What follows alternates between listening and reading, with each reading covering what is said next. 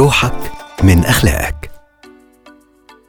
كتير بنخاف نحب نفسنا. أحسن يتقال علينا مغرورين أو أنانيين. فرق كبير ما بين كونك تحب نفسك وكونك تبقى مغرور أو أناني. المغرور والأناني أشخاص مش بيحبوا نفسهم. الحقيقة هي العكس تماما.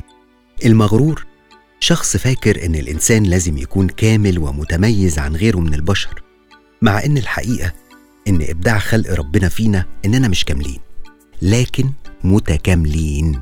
عندنا مميزات وعندنا عيوب هي اللي بتكوننا فبتعمل من كل واحد فينا خلطة مختلفة عن بقية البشر كلهم. المغرور بفكرته عن الكمال شايف نفسه عنده نواقص كتير ودي حاجة محسساه جواه بالكسوف من نفسه. فبيعمل إيه؟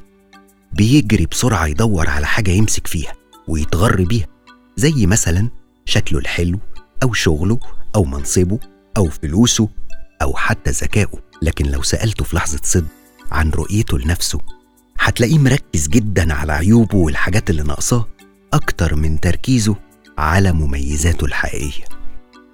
يعني غروره ده استراتيجية بيهرب بيها من إنه يقبل نفسه بكل ما فيها عشان خايف من نظرة الناس ليه.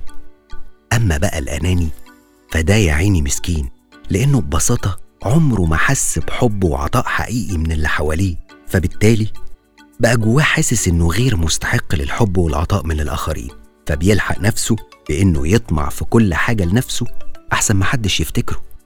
هو شايف إن الناس واخدين كل حاجة من غير مجهود من وجهة نظره فبالتالي أنا هاخد وهاخد وهاخد عشان خايف أواجه خوفي من إني ما أخدش. يعني في الحقيقة المغرور والأناني كارهين نفسهم لكن بيستخدموا استراتيجية تحميهم من الفكرة دي. طب إزاي بقى أحب نفسي بجد وبصورة إيجابية؟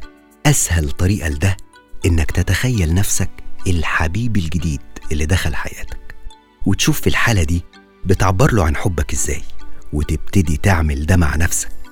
تقول لنفسك كلام حلو ومشجع وما تظلمهاش وما تجيش عليها وتحترمها وتقدرها. تديها من وقتك عشان تعرفها أكتر وتشوف أنت بتحب إيه وتعمله. وكمان تجيب لنفسك هدية من وقت للتاني. وأهم من كل ده تدرك إن كمالك في قبولك لنقصانك. روحك من أخلاقك.